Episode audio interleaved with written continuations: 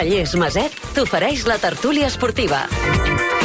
Venim 10 minuts, això us ho dic perquè tinc el Figaflowers aquí fora. Sap molt greu, però clar. Hola, Joan Xupallàs, bon dia. Hola, un altre Figaflower. Sí, no, estàs fent una Figaflower tu també. Hola, Joan Maria Pou, bon dia. Hola, bon dia. Escolteu-me una cosa.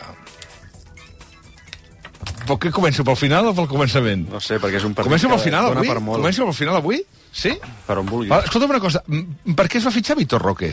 Hombre, és, que, és quan, quan et deia ara que aquest partit dona per, per molt i per fer moltes reflexions i per treure moltes conclusions i que té moltíssimes derivades i manera d'analitzar-lo. Una és, acaba derivant amb el que hauria de ser una argumentació que acaba derivant amb Vitor Roque, però si vols comencem per aquí. Home, doncs que el, el partit deixa una lliçó molt clara, més enllà de tot el que puguem analitzar del partit d'ahir, que és mm, la mirada més, més llarga i, i, i, i, i assumir que la conclusió que deixa el partit d'ahir és que el camí era claríssim i, i, i el partit deixa aquesta lliçó. Quan veiem els jugadors que, que, que aporta la Masia, que no totes les lleves són igual, de, tenen la mateixa qualitat, però eh, que la Masia sempre ha d'estar present en qualsevol projecte del Barça perquè els equips campions del Barça sempre han tingut una base de la Masia. I quan veus el partit d'ahir, veus la resposta d'Héctor Ford, que, és, que fa un partit absolutament descomunal, de la Minya Mal, que ja el coneixíem, de, de Covarsí, eh, després del Guiu que surt, eh, la pregunta que et fas és per què hi ha hagut aquest... aquest si, la, si el mal del Barça era equivocar-se en els fitxatges, per què s'ha reincidit? No? Per què s'ha reincidit fitxant jugadors que ja els tenies? És a dir, quan tu vols fer eh, o basar mm, el teu equip campió amb una base de la casa i fitxar a grans jugadors diferencials, no ho estàs fent. Has tornat a fitxar jugadors que, que no és que siguin mediocres, però que són complementaris. I per fitxar eh, jugadors complementaris no fa falta ni gastar-se moltíssims diners ni anar al mercat. Els, els tens a casa. I, I aquest missatge jo em pensava que havia quedat clar amb, el, amb la última directiva i s'ha reincidit un altre cop amb aquest tipus de fitxatges. S'han gastat molts, molts, molts diners amb fitxatges que no feien falta i es podien haver estalviat per reunir eh, tots aquests diners amb un objectiu, no? un diferencial, un que t'ompli eh, el Camp Nou, un que lideri el projecte i no, i no s'ha fet. I el que és més incomprensible, més enllà de si el jugador és bo o no és bo, perquè no, no ho podem saber, és que l'operació Vitor Roque no era necessària. No, no era adient en el context en el que estava el Barça, que és el de hem, hem assumit tots, el de la ruïna econòmica, s'ha fet tot malament, l'herència, etc etc. Llavors, per què fitxes a Vitor Roque? Si t'estàs gastant pràcticament 60 milions amb, amb un jugador que és un, és un meló per obrir, és una aposta arriscada i no l'hem vist la cara i ahir eh, l'excusa de la joventut tampoc té cap sentit quan dius no, no el posem perquè és massa jove I, i, però si hi ha tres menors d'edat jugant al camp mm. Llavors per què apliquem eh, la cautela amb uns i no amb, amb, amb altres? Dit això jo crec que el, el present és és, és, és complicat perquè Xavi va, va lligar el seu futur a guanyar títols i ara mateix en queden dos i, i són els més grans i els més difícils. I al mateix temps t'està dient que hi ha una lleva que pot, mm, que si li dones continuïtat eh, pot ser pot, pot eh, encaixar amb aquest discurs de la construcció, que potser arriba massa tard perquè jo crec que el Barça que veiem d'ahir és el que hauríem d'haver vist des del primer dia que, que arriba Xavi. En fi, són moltes coses eh, d'un sol partit, però, però crec que Víctor, Víctor Roque és una manera de començar, sí, l'anàlisi. Um, Joan Maria.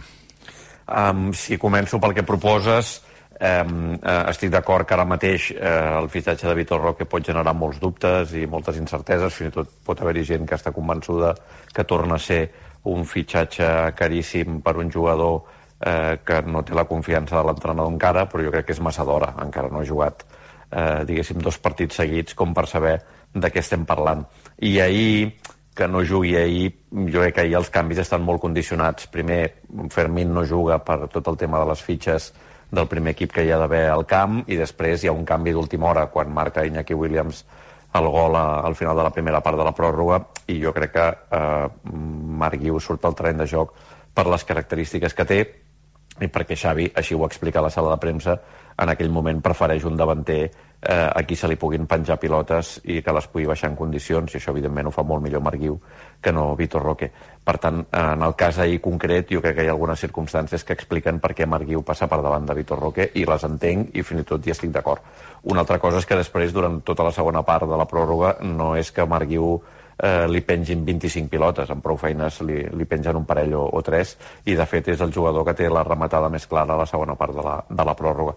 Eh, per tant, jo m'esperaré a valorar aquest fitxatge, a veure'l tres partits seguits eh, jugats, perquè si no, doncs no, diguem que no, no se li està fent justícia al jugador. Sempre, sempre hi ha un problema amb els jugadors que és que a vegades els valorem perquè han costat quan ells no, no, no en tenen cap culpa de, ni cap responsabilitat. De no, no, el, el jugador no en té cap. Vull dir, una altra cosa és que, que evidentment, els jugadors cars generen eh, més impaciència no? que, els, que els jugadors que no ho són tant, però jo m'esperaré una mica a, a valorar-lo perquè jo vaig agrair molt que la gent que valorés el meu nivell com a narrador esperés 5 partits, 10 o 15, i no em valorés al, al cap de 20 minuts del meu primer partit perquè aleshores estaria eh, fent una altra feina ara mateix.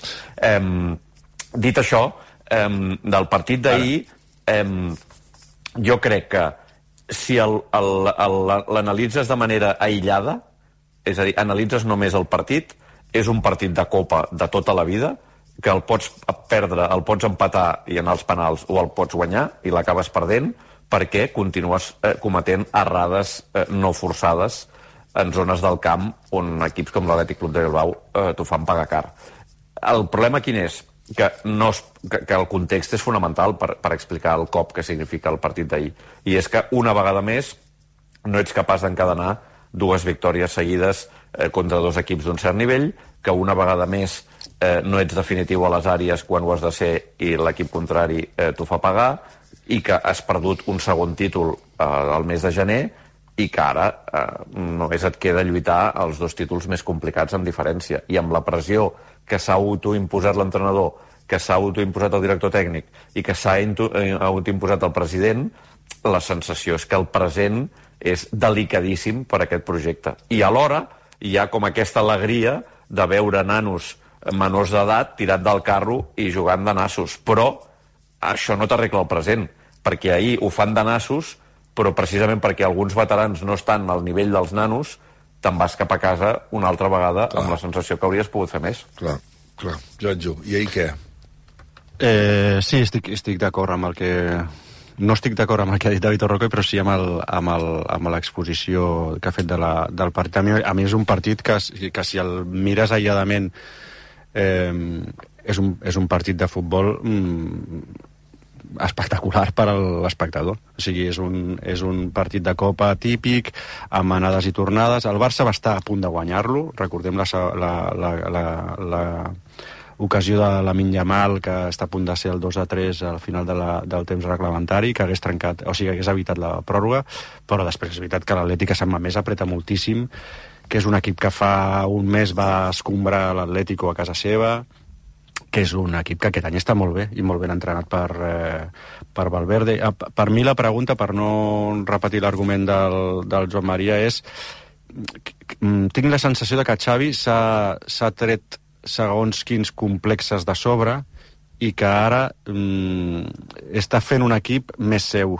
Eh, i això hi ha moltes, moltes senyals que està enviant des de fa temps, no només aquesta aposta pels joves eh, diguem que, que, que, que té fins i tot certa imprudència, perquè a, a Sant Mamés jugar amb tres tios que no tenen ni 18 anys, home, eh, no és habitual, és bastant insòlid. Però també perquè està canviant a Lewandowski quan ja veu que el, que el jugador està, eh, que no se'm malinterpreti, rovellat en el sentit de que ja no pot donar de sí, eh, perquè no acompanya la pressió, perquè ja no mm, intervé en el joc, en el joc associatiu ja, i, ja, i, ja, i ja no ofereix res a l'equip, doncs el canvia i no passa res. Eh, que Joao Fèlix, que era un jugador mm, que tots vam saber que va ser un fitxatge de club i no d'entrenador, eh, era titular indiscutible i ara mm, s'ha convertit en un suplent habitual i no passa res. Tinc curiositat en saber, d'aquí al final de temporada, si Xavi, sabent que si no guanya res, eh, marxarà, perquè és el que ha dit ell, ho ha verbalitzat així, eh, decidirà fer un equip mm, encara més radicalment seu que jo crec que això serà, serà bo pel Barça, eh, marxi o no marxi, perquè deixarà una, bueno, un nucli, un, uh, aquesta, aquest edifici en construcció que no, aixeca, que no aixeca mai dos pams de terra, doncs que n'aixequi d'una punyetera vegada, no? I que, el, I que el missatge sigui el que deixa el partit d'ahir, que jo crec que és el més important del partit d'ahir. Uh -huh. el, el Barça s'ha desviat. Uh -huh. En els últims anys, eh, del que havia de ser i del que sempre ha sigut en els seus moments d'èxit, que és la masia, on, que és el, el, el nucli al, al voltant del que gravita tot, perquè recordem, els grans, els grans Barces de la història contemporània sempre són així. Bueno. I encertar amb els, amb, els, eh, amb els jugadors que vas a fitxar perquè siguin eh, diferencials. Uh -huh. no, és a dir, si els tens a casa, no vagis a buscar-los fora, i menys amb aquestes quantitats que estan absolutament fora de mercat i que són incomprensibles. Jo no sé si Vitor Roque és bo o no ho és, però que no val 60 milions si són 30 més 30 Baleares, ja t'ho dic jo, que ni de conya. Val, acabem amb Joan Maria. Vols dir alguna cosa per acabar? No, que ara la situació, Jordi, és mm, molt delicada. Molt, molt, molt. Perquè molt. tu ara, evidentment, has de quedar entre els quatre primers de la, de la Lliga per jugar a la Lliga de Campions l'any que ve. Jo crec que és imprescindible que eliminis el Nàpols per tenir com a mínim una eliminatòria més a la Champions. Um, però si realment uh, Xavi se'n va si no guanya cap títol, mm, el futur immediat del club eh, és complicadíssim, eh? perquè eh, tu aquesta temporada havies dit que era una temporada de, de canvi de rasant, en què diguéssim que havies de fer el salt ja de qualitat per tornar-te a col·locar a l'elit europea, per d'aquesta manera tornar a engegar el famós eh, cercle virtuós de patrocinis, ingressos, eh, bla, bla, bla, bla. I ara mateix estàs en una situació eh, que d'incertesa absoluta. No, jo, jo el que intueixo és que la fórmula aquesta màgica per eh, obtenir més ingressos no serà ingeniosa, ni serà innovadora, ni serà, per, serà perquè s'intentarà vendre un, un jugador i així eh, qui any passa any empeny. Uh, jo recomano l'article que va fer a La Vanguardia el Roures explicant quin podria ser el futur i és una opció que... És que, és que no, no em sé veure el club tal com està ara. O sigui, en aquests moments, però és un debat que ara no el podem fer aquí, perquè, perquè duraria molt, però cap on ha d'anar el Barça els pròxims anys, que ja fa temps que preguntem això, eh? però ara encara amb més motiu, cada any que passa encara més motiu, mm, és, em sembla que és una obvietat i s'ha d'aprofitar, a més, el canvi d'estadi i serà la clau de volta de tot. Del Girona, no dir res més, que vaig estar veient la primera part del partit i escoltant-lo per, la, per rac i de debò que és que és el pitjor que he vist en temps, per tant no mereix, no mereix, no mereix més comentari que dir, escolta'm, pas, i escolta'm, roda de premsa impecable de Mitchell, per cert. Mm. Mea culpa eh, eh, bestial. Per cert, dissabte, les Palmes Real Madrid, un quart de cinc de la tarda, Barça-Vilareal, dos quarts de set de la tarda, i el diumenge a les dues del migdia, Celta-Girona. I la setmana que ve, el Barça que juga el partit aquell penjat de d'Aràbia Saudita, que és contra el Getafe, crec recordar. Osasuna. Osasuna. Osasuna. Uh, uh, aquí, quan? Di... Di... Dimecres a les 7. Dimec... A les 7? Mm. Ah. Sí, sí, sí. Ah. Ah. Ja, I el Madrid tant. juga? El dijous a Getafe. Bueno, que també és déu nhi El seu fi, pendent. Sí, sí, perquè el Barça no pot fallar, vaja, aquí sí que no falla. No, no, ara... No fallar. En fi, gràcies, eh, Joan Maria i Joan Jopallàs, que vagi bé. Adéu. Bon Fins dia. ara, que vagi bé. D'aquí uns moments, Figaflaues, aquí al Món Arracú.